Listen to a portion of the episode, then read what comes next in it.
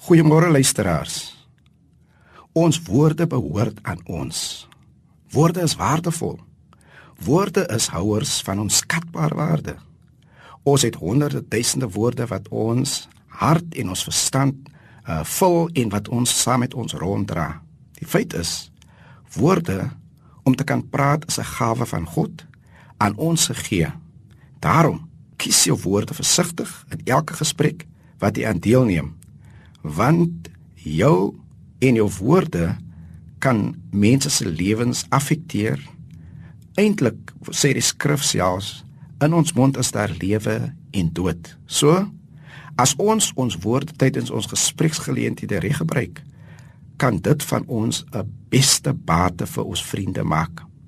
Ek lees in Lukas 2 vers 36 tot 38 van 'n ou vrou profetes wat nadat sy met Jesus in kontak gekom het, begin 'n stortvloed van woorde uiter uit dankbaarheid. Uh, dit klink asof hierdie vrou baie kon praat. Die evangelie skrywer en apostel Lukas noem haar 'n profetes. Gee haar die vloer en sy praat. Tog klink dit dat sy nie iemand was vir die voorgrond nie, maar as sy eers aan die gang kom en die geleentheid kry, dan praat sy. Wat bedoel die skrywer as hy sê sy was 'n profetes? Ek reken nie iemand wat die toekoms voorspel het nie. Nie 'n soort fort fortune teller nie.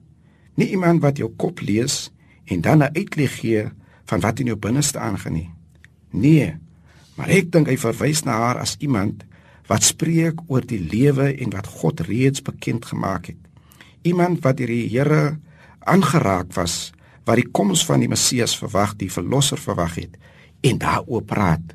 Sy word soort van onderwyser, spreker, 'n draer van 'n goddelike waarheid, die bekendmaker van die woord van God, die aankondiger dat Jesus wel die Messias, die verlosser is. Anna het 'n soort dringendheid by haar gehad, klink dit vir my, asof daar 'n soort erns oor haar gekom het wat nie voorheen daar so sterk was of waarvan daar geskryf is nie. Die feit dat sy met Jesus in kontak gekom het, die lang verwagte verlosser, het haar aan die praat gekry. Dat haar o God se werke aanskou het. Jesus voor haar was, het haar laat besef die boodskap moet vertel word, asof die goed waaroor sy voorheen gepraat het, vervang was met die goeie nuus, die evangelie.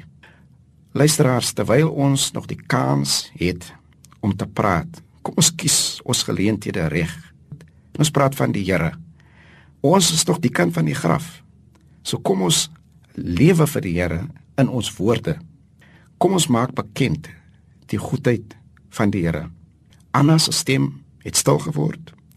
Ons wat nou nog kan boodskappers wees, kom ons wees draers van die goeie boodskap in hierdie dag wat vir ons voorlê. Gee 'n woord van bemoediging aan iemand naby aan u. Geseënde dag vir u.